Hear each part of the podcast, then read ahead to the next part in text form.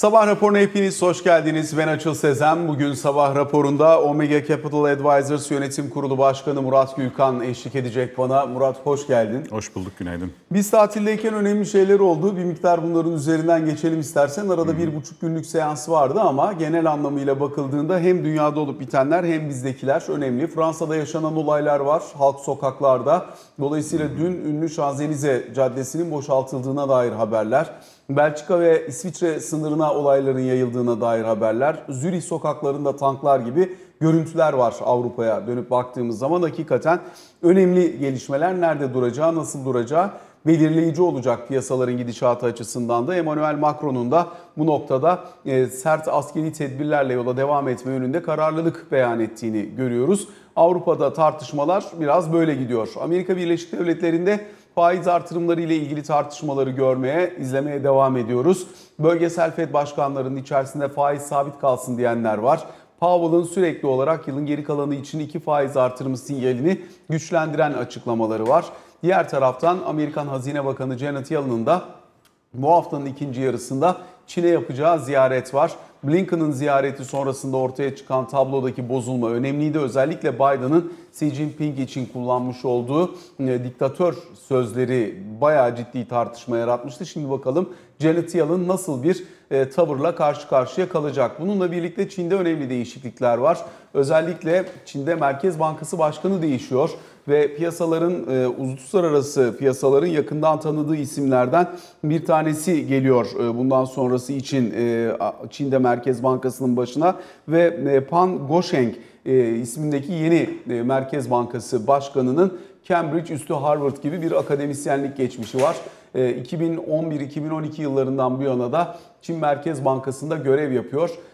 Mevcut politikaların devamı üzerine bir yol izleyeceği tahmin ediliyor ama genel anlamıyla Çin ekonomisinde zorluklar, güçlükler devam ediyor. Bugün gelen PMI verileri var. Özellikle resmi PMI verisi e, ikinci aydır üst üste nispeten daha olumlu geldi. Kayshin PMI endeksine baktığımız zaman da fena gelmediğini gözlemliyoruz. Hizmetler tarafındaysa bozulma var. Dolayısıyla Çin'deki yavaşlık sürüyor. Japonya'da PMI endeksi 49'larda kaldı. Dolayısıyla 50'nin altına inmiş olması önemli. Bununla birlikte piyasa bu sabah olumluyu fiyatlıyor. Zira Tankan endeksinde iş dünyası beklentilerinin 2 yıl sonra yeniden olumluya gelmiş olması. Amerikan piyasalarının kapanışındaki olumluluk bugün Çin ve e, e, Japonya piyasalarında yukarı itiyor. Şu anda Nikkei endeksi %1.7 kadar yukarıda onu söyleyebiliriz. Tabloyu genel olarak böyle özetlerken bizim hem bayram tatili öncesinde hem de bu süreç içerisinde atılan bazı adımlar var Merkez Bankası tarafından. Merkez Bankası Başkanı Hafize Gaye Erkan'ın banka genel müdürleriyle yaptığı görüşme, burada verdiği mesajlar önceliğin Merkez Bankası'nın rezervlerinin güçlendirilmesi ve dış kaynak teminine yönlendiği anlaşılıyor. Bununla birlikte bazı regülasyonların tersine çevrileceği yönünde ifadeler vardı.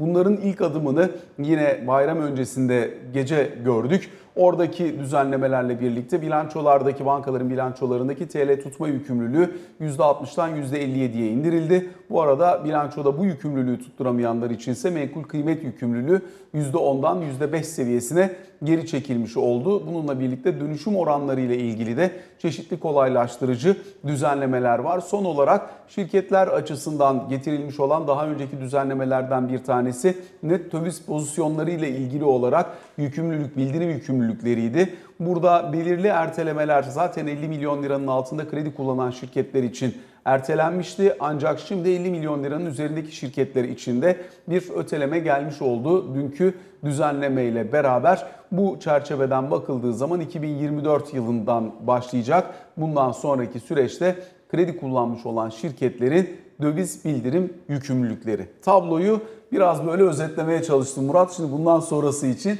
biraz daha e, detaylar üzerine konuşabiliriz herhalde.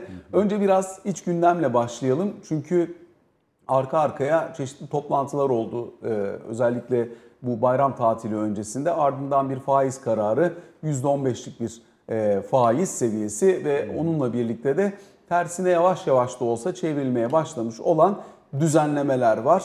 Öncelikle hem faiz kararının ve sonucunu hem de piyasa beklentileriyle uyumunu bir de bu biraz önce saydığım ufak ufak tersine çevrilmeye başlayan düzenlemeleri nasıl yorumluyorsun? Bunları değerlendirirken böyle bir kısa vadede mucize, böyle bir sihirli değnek dokunuşuyla bir anda her şeyin düzelmesini e, beklememek lazım. E, yani Türkiye aşağı yukarı işte 2018 neredeyse günü gününe 2018 işte Haziran'ındaki e, bakan değişikliğiyle başlanan ekonomi deneyinin diyelim başarısız olduğunu gayri resmi olarak da olsa kabul ederek yeni bir politika, bir patika çizmeye çalışıyor. Burada her şeyin bir gecede düzelmesini ve değişmesini beklemek çok gerçekçi olmaz. Dolayısıyla özellikle bu bankacılık kesimiyle ilgili düzenlemelerin işte menkul kıymet tesisiydi vesaire e, kademeli olarak e, geriye çevrilmeye başlanması doğru ve e, yerinde bir hareket. Para politikası tarafında ise durum bana göre biraz daha tartışmalı. Yani oradaki mantık şöyle gidiyor biliyorsunuz. İşte ya birdenbire çok da faiz arttırmayalım, kırıp dökmeyelim. Kademeli olarak arttıralım. Şimdi bu ilk başta belki kulağa mantıksız gelmiyor fakat e, sahadaki fiili durum bir kere bundan oldukça farklı. Yani zaten Merkez Bankası politika faizi, seninle de hep uzun zamandır konuştuğumuz gibi piyasadaki diğer faizler üzerinde olan çapa etkisini yitirmiş olduğu için işte mevduat faizleri nerede olduğu belli, kredilerin nerede olduğu belli. Bunların Merkez Bankası politika faiziyle fazla bir ilişkisi kalmamış durumda. E, buna karşın bu e, tedrici artışla verilen mesaj e, aynı zamanda tabii e, yani bütün iletişime baktığınız zaman işte bütün diğer örneğin atamalara ve atamamalara baktığınız zaman sanırım yeni ekonomi kadrosunun yetkilerin ve hareket alanının sınırları bir parça şekillenmeye başlıyor. E, şimdi faizi az arttırdık. İşte bunun bir faydası var mı bilmiyorum. Zararlarını hemen gördük. Yani işte kur e, ilave bir miktar değer kaybetti. E, bunun enflasyona olan geçişkenliği olacaktır. Çok da yüksek bir oranda olacaktır. Yani kur geçişkenliğimiz bizim e, hani işte e, hala yani kibarca yüzde 50-60 diye işte resmi tahminlere bakıyorsunuz ama yani fiiliyattaki durum e, muhtemelen daha yüksek. E, dolayısıyla yani enflasyonu düşürme konusunda, TL'ye olan güveni tesis etme konusunda bu cılız mesajın bence zararları yararlarından daha fazla. Şimdi tabii ki bundan sonrası için de gerektiği takdirde faiz artırımına yönelik bir sinyal ve mesaj var. Anladığımız kadarıyla e, bütün para politikası ve çerçevenin normalleşmesinde kademeli gidilmeye çalışılıyor. Yani bir anda faiz artırmanın getirebileceği işte menkul kıymet yükümlülükleri üzerinden banka bilançolarındaki zararlar veya benzer şekilde kaynak maliyetinin hızlı yukarı kaymasından kaynaklanabilecek ekstra hasarlar bunların hepsini de göre göre anladığımız kadarıyla tarta tarta gidilmeye çalışılıyor. Evet. Ee, bunun tabii bir regülatif tarafı var. Yani regülasyonu yapan ve bunun düzenlemesini gerçekleştiren e, hani devlet anlayışıyla bunu gerçekleştirirken kırıp dökmemeye özen gösteren bir tarafı var. Bir de piyasanın anladığı var. Aradaki makasta bir farklılaşma görüyor musun şu anda? Hani kurup gitmiş olabilir bir gün ama. Görüyorum çünkü dediğin gibi biz zaten e, hani normal şartlar altında bir faiz arttırımından bahsetmiyoruz. Yani piyasa faizleri zaten e, uzun zaman önce kopup gitmiş. Dolayısıyla faiz arttırmanın hani eksiler hanesine yazacağımız kalemlerin pek çoğu zaten yaşanmış durumda. Ee, şöyle benim gördüğüm risk şu. E, yerel seçimler var ufukta. E, dolayısıyla e, bir kere tedrici bir politika izleyecek zaman olup olmadığı bence e, hiç de net değil. Risk de şu.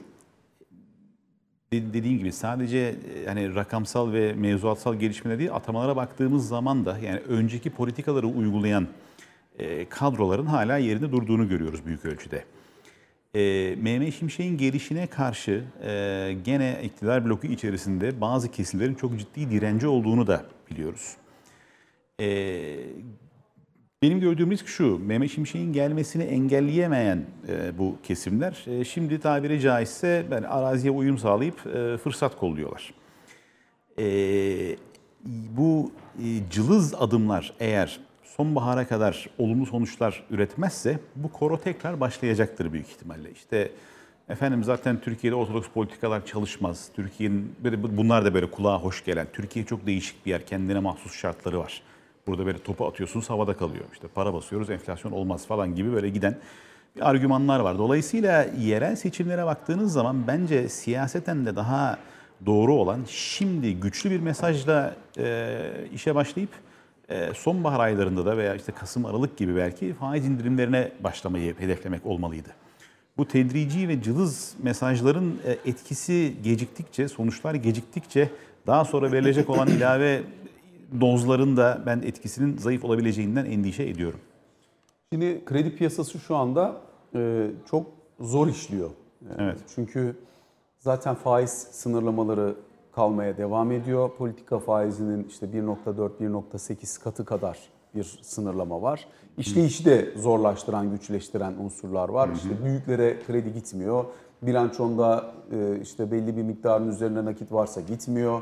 Ciron belli bir seviyenin üzerindeyse gitmiyor. Aktifin belli bir yerdeyse gitmiyor gibi gibi gibi.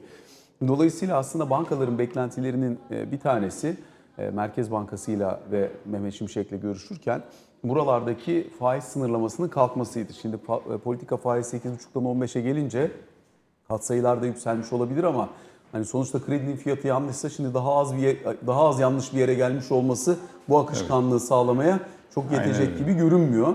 Dolayısıyla şu anda o kısım havada kalmış gibi duruyor.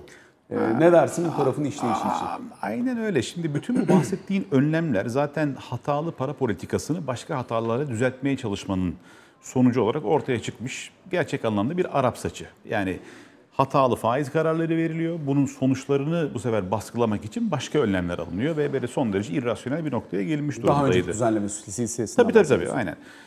Dolayısıyla bence daha doğru strateji şuna benzeyebilirdi. Ee, daha e, agresif bir e, para politikası e, duruşu. Bu düzenlemeleri özellikle bu bahsettiğin işte kredi tarafındaki sınırlama. Çünkü kredi tarafındaki sınırlamaların net net sonucu şu oldu. Kredi pahalı ve yok. Ee, bunları daha hızlı gevşetip o zaman şu hedeflenebilirdi. Ee, tekrar çarklar dönmeye başlayabilirdi. Ee, biz ters eğimli bir getiri eğrisi muhtemelen görürdük.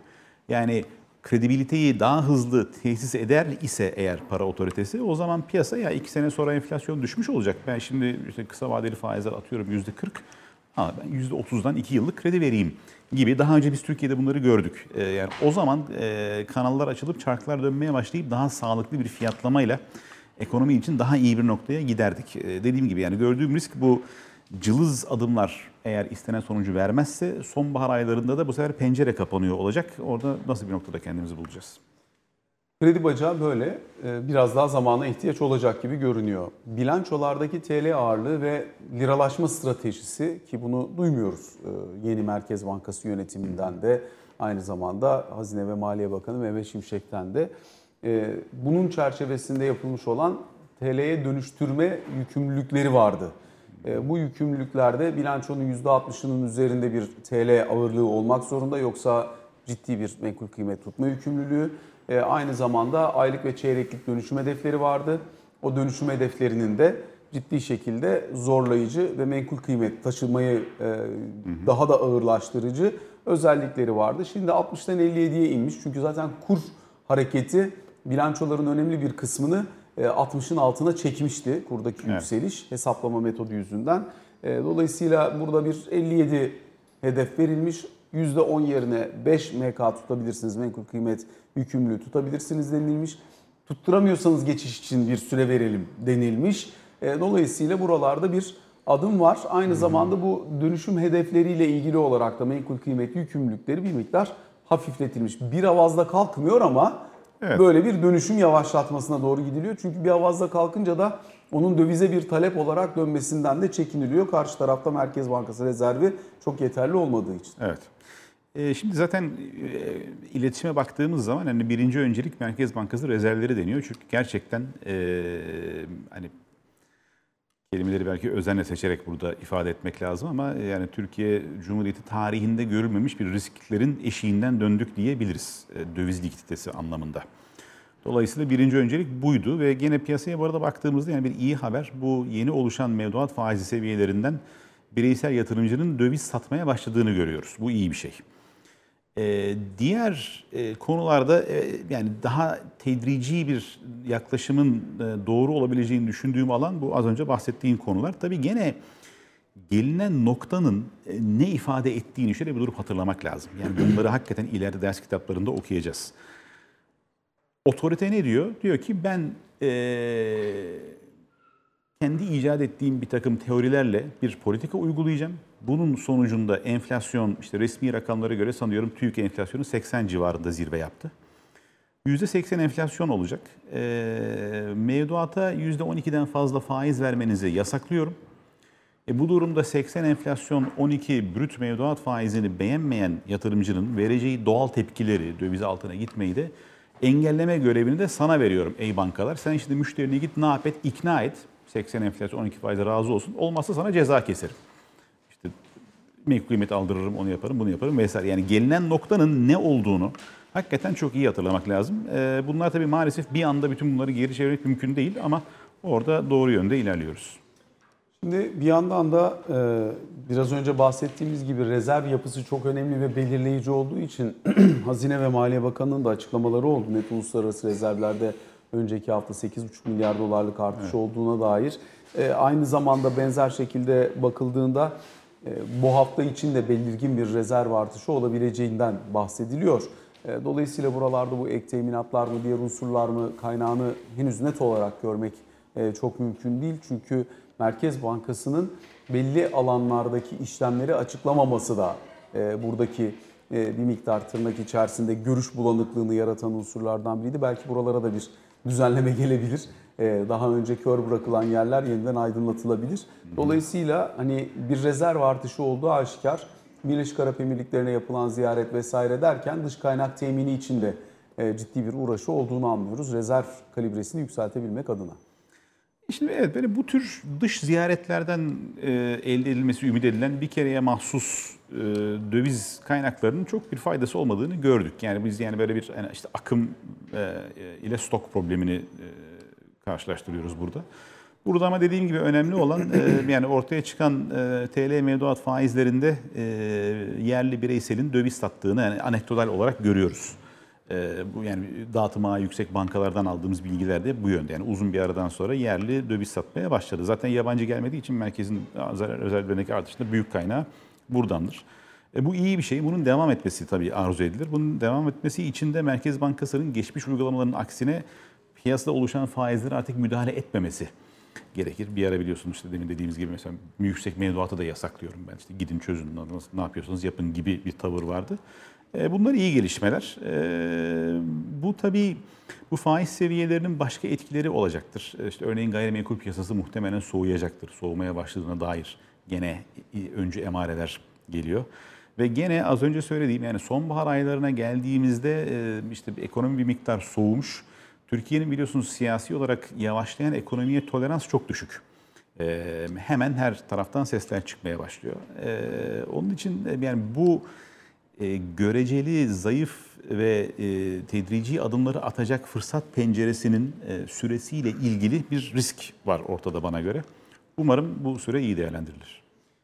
Bir yandan mevduat faizleri çok ciddi seviyelere gelmişti. Hani 45'lerin üzerlerini falan duymaya başladığımız bir seviyeye. Hı Şimdi bu dönüşüm hedeflerinin yumuşatılmış olması, MK yükümlülüklerinin belli ölçüde azaltılmış olması, ee, burada bankaların uygulayacağı mevduat faizi üzerinde bir rahatlama bir miktarda olsa düşüş yaratır mı? Ne kadar yaratır? Ne beklersin?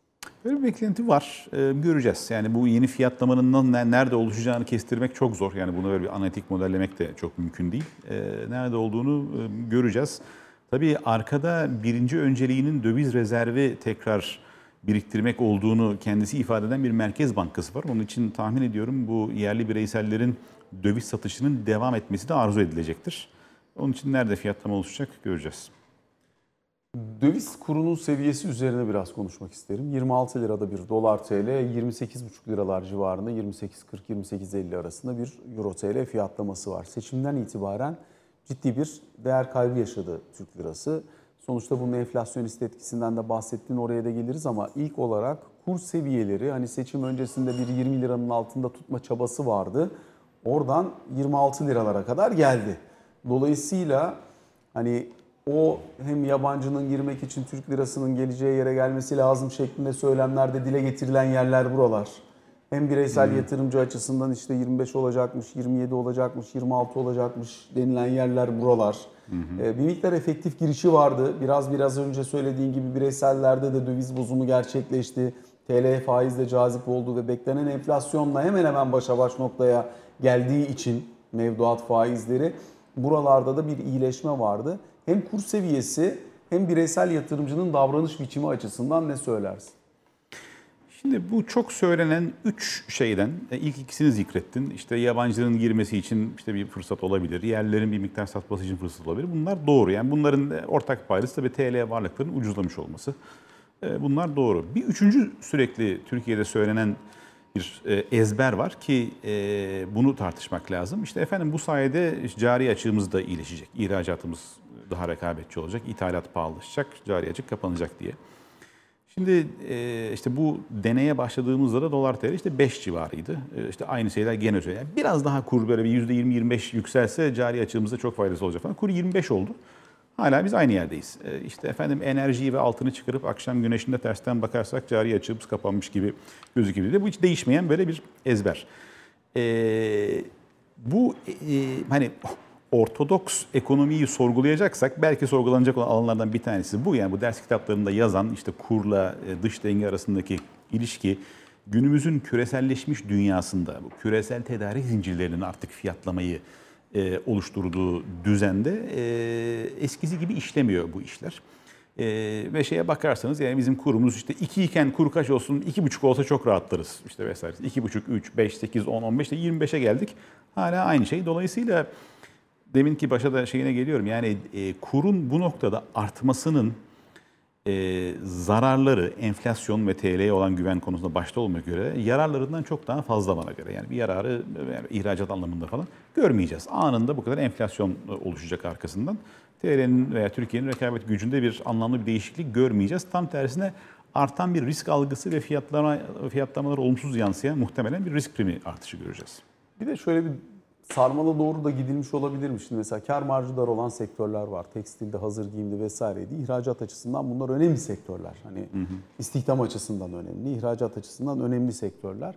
Katma değeri yüksektir, düşüktür. Bunların hepsi tabii ki çok tartışmalı alanlar. Hani yıllardır bildiğimiz ve üzerine konuştuğumuz şeyler olduğu için. Fakat e, burada enflasyon yükseliyor, yani kur yükseliyor. Enflasyon yükseliyor. Açığı kapatmak için asgari ücret zamları veriyorsun. İşçilik maliyetleri yükseliyor, girdi maliyetleri yükseliyor. Sonra çok yükseldi diyerek kuru bir yerde tutmaya çalışıyorsun. Tutmaya çalışınca bu sefer rekabet gücüm azaldı diye girdi maliyetim, işçilik maliyetim yükseldi. Ama işte kur sabit kaldı. O zaman ben burada dengeyi tutturamıyorum diyerek özellikle bu sektörlerden talep geliyor. Sonra kur bir miktar daha gidiyor. Enflasyon biraz daha geliyor. Arkasından Aynen da bir tür daha Aynen. işçilik maliyetleri artacak aynen. gibi. Aynen. Yani çünkü kuru 5 iken de 25 iken de aynen bu. Neyle e, kırılacak peki Yurt içi tasarrufların artması lazım. E, yani cari denge e, biliyorsun aynı zamanda bir bir denklik olarak yurt içi tasarruf açığı veya fazlasının bir yansıması. Yani bu ikisi aynı şey. Eşit değil sadece bunlar. Bir, bunlar aynı bir, bir identity bu. Aynı şey bunlar. Onun için yani bütün bu işte kurun ihracatı etki etmesi için arkada tasarruf davranışlarının en azından değişmemesi lazım. Bizim zaten tasarruf açığımız var. Bu politikalara tasarruf açığımızı daha da arttırdığımız sürece cari açık 2 kere 2'nin 4 ettiği gibi aynen artar. Biz böyle kuyruğunu yakalamaya çalışan bir e, aslan gibi dolaşıp aynı işte 5 kende 25 kende aynı şeyi konuşurken buluruz kendimizi. Peki o zaman ben döneyim şunu sorayım. Yani 2019 yılında buna alınabilecek olan önlem ve etkiyle şu anki etki aynı mı? Çünkü hani daha önce bireylerin tasarruf davranışlarını değiştirebilmek faizi yukarı çekip mevduat faizlerini belirli bir yere getirdiğin zaman mümkündü. Şimdi bunun değişmediğini görüyoruz örneğin. Yani 45-50 arası mevduat faizi var ama hala e, dönüşüm öyle çok istendiği oranda yok. Bir de talebi de kısmak çok mümkün olmuyor. Çünkü yüksek enflasyonist ortamda sen bugün almayıp ya, e, yarına bırakacağın zaman daha pahalı alacağını garanti olarak görüyorsun. E işte 45-50'de biz muhtemelen e, ekonomiyi soğutmaya başlıyoruz. Yani talebi de bir miktar azaltıyoruz, tasarrufları arttırıyoruz e, işte TL'leştirmeyi o zaman arttırabiliyoruz vesaire. Fakat dediğim gibi yani bunları e, bunların sonuçları olacak. Yani yavaşlayan ekonomiye e, siyasi tolerans Türkiye'de çok düşük. Onun için e, yani o kur keşke enflasyon ilk işte 10-12'lerden 15'lere çıkarken bu dirayeti gösterebilseydik ödememiz gereken bedel daha az olacaktı. Şimdi maalesef daha yüksek bir fatura var önümüzde ve dediğim gibi hani yerel seçimlerin bir eğer e, bir e, takvimde bir sınır olduğunu kabul edersek hatta yerel seçim öncesinin e, burada e, demin konuştuğumuz yani bu bu bu e, sıkı para politikası ve ekonomiyi soğutmak için uygulanabilecek fırsat penceresi acaba nerede sonlanıyor diye düşünmek lazım. Şimdi enflasyon rakamları gelecek. Dolayısıyla bir taraftan onu bekliyoruz. Öbür taraftan mesela İstanbul Ticaret Odası'nın enflasyon rakamları açıklandı. Yani 3,5'a yakın bir enflasyon var orada. Yaz aylarındayız zaman üstelik. aylık. Ee, hani tüfeğe baktığın zaman yani oradaki toplam fiyatlara baktığın zaman orada 4.3. Hani bu kur artışının etkisini vesaireyi de doğrudan gözlemlemeye başladığımız alanlar oralar. Ee, Dolayısıyla e, nasıl bir enflasyon beklentim var yıl sonu için ve mevcut yatırım ortamında onu hangi ölçüde karşılayabiliriz e, faiz tarafındaki bu seviyelerle? Ee, dediğim gibi burada artık belki Merkez Bankası politika faizinden çok piyasada oluşan fiili faizlere bakmak lazım. Ee, bu e, örneğin mevduat faizinin işte önümüzdeki 12 ay boyunca e, enflasyonun üzerinde reel getiri sağlaması imkansız değil en azından. Eskiden imkansızdı. Ee, hani şimdi eğer e, işte Merkez Bankası da e, ciddiyetini ortaya koyarsa e, yani uzun bir aradan sonra yani 5, 6, 7 yıldan sonra ilk defa yani belki TL yatırımlar için bir pozitif reel getiri söz konusu olabilir. Peki hisse senedi? Alır mısın bu ortamda? Bu, bu yüksek faizlerin e, yani, yani mevduat faizlerini kastediyorum. Yani bir süre daha devam edeceğini varsayarsak hisselerin aşması gereken çıta epey yükselmiş durumda. Onun için e, yani es- eskisine göre çok daha seçici olmak lazım. Banka düşünür müsün? Yani bankalarda çünkü bir kaynak maliyetinin yükselişi var. İki çalışmayan bir kredi piyasası var ki çalışmamaya bir süre daha devam edeceğini anlıyoruz. Ama öbür taraftan bunun bir noktada çalışmaya başlayacağını da anlıyoruz. Yani regülasyonlar tersine dönüyor, yükümlülükler hafifliyor, tuttukları menkul kıymetlerin en azından belirli bir kısmından kurtulma imkanı ortaya çıkıyor gibi gibi gibi. Evet yani bu bahsettiğimiz e, gelişmelerin bir kısmı geleceği e, matuf e, bir olumlu anlamda bir re-rating ihtimali ise geleceğe matuf. Dolayısıyla bakılabilir. Tabii şöyle il- ilginç bir dönemden geçtik. Yani banka sermayelerinin reel olarak ciddi şekilde eridiği bir dönemde banka hisseleri ciddi prim yaptı. E, Yani e, tabii piyasada yabancı yatırımcı da fazla kalmadığı için yerli yatırımcı da bu parasal illüzyonun tam ne olduğunu algılayamadı. İşte rekor banka karları falan diye böyle banka şey, gazete manşetleriyle e, yükselen bir dönem gördük. Tabii aynı dönemde borsayı yükselten ciddi bir parasal genişleme dalgası da vardı. E, bunların da muhtemelen sonuna geldiğimiz için e, sanki bir hani düzeltmeyi fırsat olarak görmek lazım gibi düşünebiliriz. Çünkü bankaların önünde hakikaten biraz e, birkaç çeyrek belki karların çok iyi gelmeyeceği bir dönem var. Yani oralarda ama bakmak lazım. Çünkü diğer yandan da az önce belirttiğimiz gibi yani yine kelimeleri özenle seçmek istiyorum. Yani Merkez Bankası'nın bizim önceliğimiz döviz rezervi biriktirmek ifadesinin arkasında bizim e, yani muhtemelen böyle günlerle belki haftalarla ölçülen bir sürede daha önce görmediğimiz Türkiye Cumhuriyeti risklerin eşiğinden dönmüş olmamız var. Yani o anlamda en kötüsü geride kaldı diye düşünülebilir. E, Onun için yani banka hisselerinde bir yani bir düzeltmeleri e, fırsat olarak görmek lazım ama yani gidip şu anda almak için ben çok kuvvetli bir sebep görmüyorum. E, Dışarıdan esen rüzgarlar da e, çok pozitif değil. Bono piyasasında bir normalleşme bekler misin? Hangi aşamada, nerede beklersin? Şu anda hani zorunlu olanlar haricinde bonoya bakan yok zaten. Yok. Çünkü faizler irrasyonel yerde kalmaya devam ediyor ama Yok. bono faizlerinin piyasa faizlerine yakınsamasını bir vadede bekler misin? Tabii bunu beklemek lazım çünkü yani bahsettiğin gibi yani koskoca TL bono piyasası e, sıfır likiditeyle evet e, yani böyle rastgele bir fiyat seviyesinde takılıp kalmış durumda. Yani o fiyat seviyesinin herhangi bir ekonomik veya finansal mantığı yok. Bütün bu düzenlemelerin toplama çıkartmasını yapınca zorunlu alıştan kaynaklanan bir e, şey var. E, orada tabii e, şunu unutmamak lazım. E, onun şimdiye kadar değinmedik ama e, hani böyle 4-5 ana makro parametremizden işte büyüme, enflasyon, işte cari açık vesaire hani son göreceli az yıpranmış kalan e, sacaya e, mali dengeydi. Ben Bütçe de onu, onun için soruyorum bonoyu. Çünkü özellikle Şimdi- bütçe açının bu kadar yüksek olduğu, işte belki 1,5 trilyon liraya ulaşacağı yerde Aynen. bono faizleri normalleşecekse hazinenin borçlanma maliyeti de artacak demektir. Aynen yani devasa bir bütçe açığına gidiyoruz. Yani bu politikalardan niye vazgeçildiğini hatırlamak için hep bunları not edelim diye söylüyorum. Öyle sanki yani devam etme tercihi varmış gibi dediğim gibi yani bir daha önce tarihimizde görmediğimiz risklerin eşiğinden döndük. Ne demek istediğimizi herhalde yani Arif olan anlıyordur. İkincisi bir de şimdi yani yani işte e, Afrika Ligi'nde enflasyon vesaire ek olarak bir de devasa bir e, bütçe açığına doğru gidiyoruz. Bu bütçe açığının final fonlaması nasıl olacak? Hangi faiz seviyesinden olacak? E, yani bunu bu seviyelerden yaptığınız zaman hani banka sermayelerine yüklüyorsunuz e, maliyeti. Öbür türlü hazineye yüklenecek. Onun için de dediğim gibi şimdi bu realite varken biz bir an önce enflasyonu indireceğimiz konusunda e, inandırıcılığı yüksek bir mesaj verip buradaki ilk hedef ters eğimli bir getiri eğrisi olmalıydı. Yani kısa vadeli faizler yüksek olabilir, enflasyon yüksek olabilir ama ben 2 yıl, 3 yıl, 5 yıl, 10 yıl borçlanmak istediğimde çok daha uygun faizlerden borçlanabilmeliyim olmalı e, kamu otoritesinin İşte ufku hedefi. görebilmek zaten. Ufku görebilmek. E, yoksa böyle yani e, borcun faizi kadar e, yani vade yapısı da bir konu olacak önümüzdeki dönemde. Murat Gülkan çok teşekkür ediyoruz. Bu sabah bizlerle birlikte olduğun ve sorularımızı yanıtladığın için. Kısa bir aramız var. Sonrasında Ali Can Türkoğlu ile ikinci bölümde karşınızda olacağız.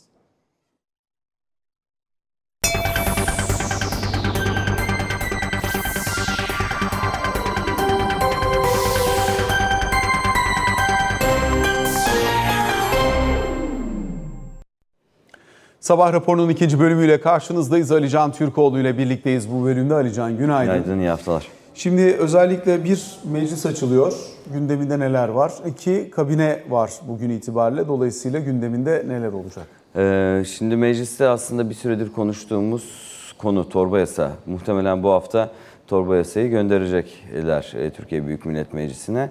E, sıralı olacak. Bugünkü kabine toplantısı sonrası muhtemelen Cumhurbaşkanı açıklayacak. Hafta içi de meclise gönderilecektir. Burada en düşük memur maaşının 22 bin liraya çıkarılması, e, diğer memur maaşlarında da ünvana ve kademeye göre, göreve göre kademeli bir artış bekleniyor. Emekli maaşlarıyla ilgili yine kademeli bir artış var. Bilindiği gibi en düşük emekli maaşının üzerinde alanlara kademeli bir artış yapılmasıyla ilgili olarak enflasyon farkının ödenmesi girişimleri var. E, Buna yönelik çalışmanın zaten tamamlandığı, Çalışma Bakanlığı ve Maliye Bakanlığı bürokratlarının beraber bu çalışmayı tamamladı. Bugün de sunumunun kabinede gerçekleştirilmesi bekleniyor öncelikle. Sonrasında da muhtemelen bu hafta içerisinde de Türkiye Büyük Millet Meclisi'ne gelecektir. Dolayısıyla kabine Emekli toplantısıyla maaşlarındaki rakamlara ilişkin bir netlik rakam yok. henüz. Yok. Ee, sadece bakanlığın buna yönelik kademeli çalışmayı yaptığı ifade ediliyor. Ee, ama rakam ne olacak bununla ilgili bir de, e, bilgi yok. Yine mecliste kira düzenlemesi de gündeme gelecektir. Açıklamalar yapılmıştı kirayla ilgili olarak ama buna ilişkin düzenlemenin Türkiye Büyük Millet Meclisi'ne gelmesi bekleniyor. Muhtemelen bu iki başlığın konuşulduğu torba yasayı konuşacağız Türkiye Büyük Millet Meclisi içerisinde.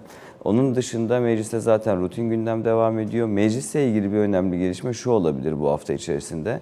E, muhalefet partilerinin e, kendi içerisinde, muhalefet partilerinden kastım CHP listesinden seçime giren muhalefet partilerinin grup kurma çalışmaları vardı. Deva, Saadet ve Gelecek. E, bu çalışmalar sonuca ulaşamadı.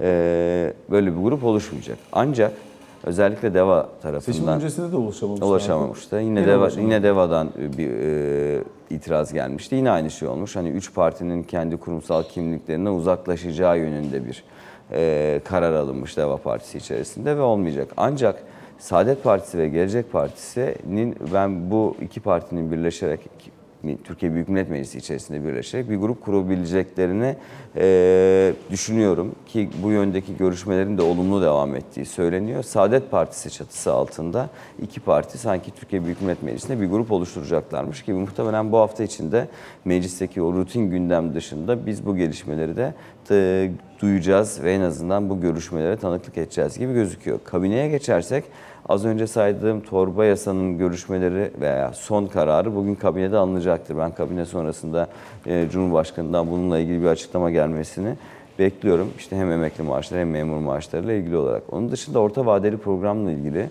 e, Mehmet Şimşek'in bugün kabinede bir sunum yapabileceği ifade ediliyor. E, bu önümüzdeki 3 yıl boyunca nelere dikkat edilmeli? Her ne kadar şu ana kadar kendi açıklamalarına yansısa bile e, önümüzdeki dönemle ilgili atılacak adımlar kısmen OVP içerisinde e, bunlar nasıl isimlendirilecek, nasıl takvimlendirilecek bunlar kritik. Muhtemelen bugün OVP ile ilgili bir sunum yapacak e, Mehmet Şimşek toplantıda ve NATO zirvesi daha doğrusu NATO ile ilgili gelişmeler bugün kabinede konuşulacak. Şimdi Litvanya'da NATO zirvesi gerçekleştirilecek bilindiği gibi. Onun öncesinde yani NATO zirvesi öncesinde Brüksel'de Türkiye, İsveç ve Finlandiya Dışişleri Bakanları arasında bir üçlü toplantı da var. Artı Biden'la e, İsveç Başbakanı'nın da kendi içinde yapacağı bir toplantı olacak. Dolayısıyla İsveç'in NATO üyeliği konusunda Türkiye'ye uluslararası toplumdan zaten yoğun bir baskı yapılıyor. Başta Amerika Birleşik Devletleri ve diğer NATO ülkeleri olmak üzere. Ancak Türkiye'nin de özellikle hem terörle mücadele hem de İsveç'te yaşanan eylemlere ilişkin işte Kur'an-ı Kerim yakma eylemi bir, bir kere daha gerçekleşti bayram sırasında. Bunlara ilişkin İsveç hükümeti adım atmadığı sürece e, NATO üyeliğini onaylama konusunda Türkiye'nin de adım atmayacağı yönündeki fikri halen korunuyormuş gibi gözüküyor. Dolayısıyla bugün konuşulacak evet NATO ile ilgili e, Türkiye'nin durumu kabine toplantısında ancak özellikle NATO zirvesi öncesinde yapılacak üçlü toplantı ve ABD ile İsveç arasında yapılacak toplantının Türkiye'ye yansımaları da takip edilecek. Dolayısıyla Türkiye'nin önünde e, kritik bir başlık olarak durmaya devam ediyor NATO konusunda özellikle İsveç'le ilgili ne adım atılacağı. Ama onun dışında bu hafta içerisi e, saymış olduğumuz başlıkların dışında işte 5 Haziran'da da enflasyon geliyor. Enflasyon gelince işte memura ödenecek e, farkının ne olacağı belirlenecek. Hem 6 aylık fark belirlenecek hem enflasyon farkı belirlenecek. belirlenecek. Dolayısıyla bu kapsamda bu hafta içerisinde biz daha çok sanki Ankara'dan e, memur ve emekli maaşlarına ilişkin yapılacak düzenleme, kafalardaki rakamlar ve e, enflasyon geldikten sonra verilecek e, o farkın ne olacağı ile ilgili görüşmeler e, oluşturacakmış gibi gözüküyor. Bir de CHP gelişmeleri var. Onu da kısaca söyleyeyim. Olur. Çünkü orada da şöyle bir durum var. Değişim talebiyle ilgili çok yoğun başlıklar vardı zaten geçtiğimiz hafta içerisinde. Bugün Bolu Belediye Başkanı Tan- Tanju Özcan'ın yürüyüşü başlıyor. Bolu'dan Ankara'ya değişim e, adalet yürüyüşü diye adlandırdı. Artı İstanbul Büyükşehir Belediye Başkanı Ekrem İmamoğlu'nun da bir manifesto yayınlayabileceği, Değişime Davet adlı bir manifesto yayınlayacağı, hatta bir internet sitesi de kurarak burada değişime yönelik önerileri toplayacağı bir girişim başlatılabilir gibi gözüküyor bu hafta içerisinde. Dolayısıyla bu hafta Cumhuriyet Halk Partisi içinde de e, yeni açıklamalar gelecek gibi gözüküyor. Alican teşekkür Ben ediyoruz. teşekkür Sabah raporuna böylelikle bugün için son noktayı koymuş oluyoruz. Hoşçakalın.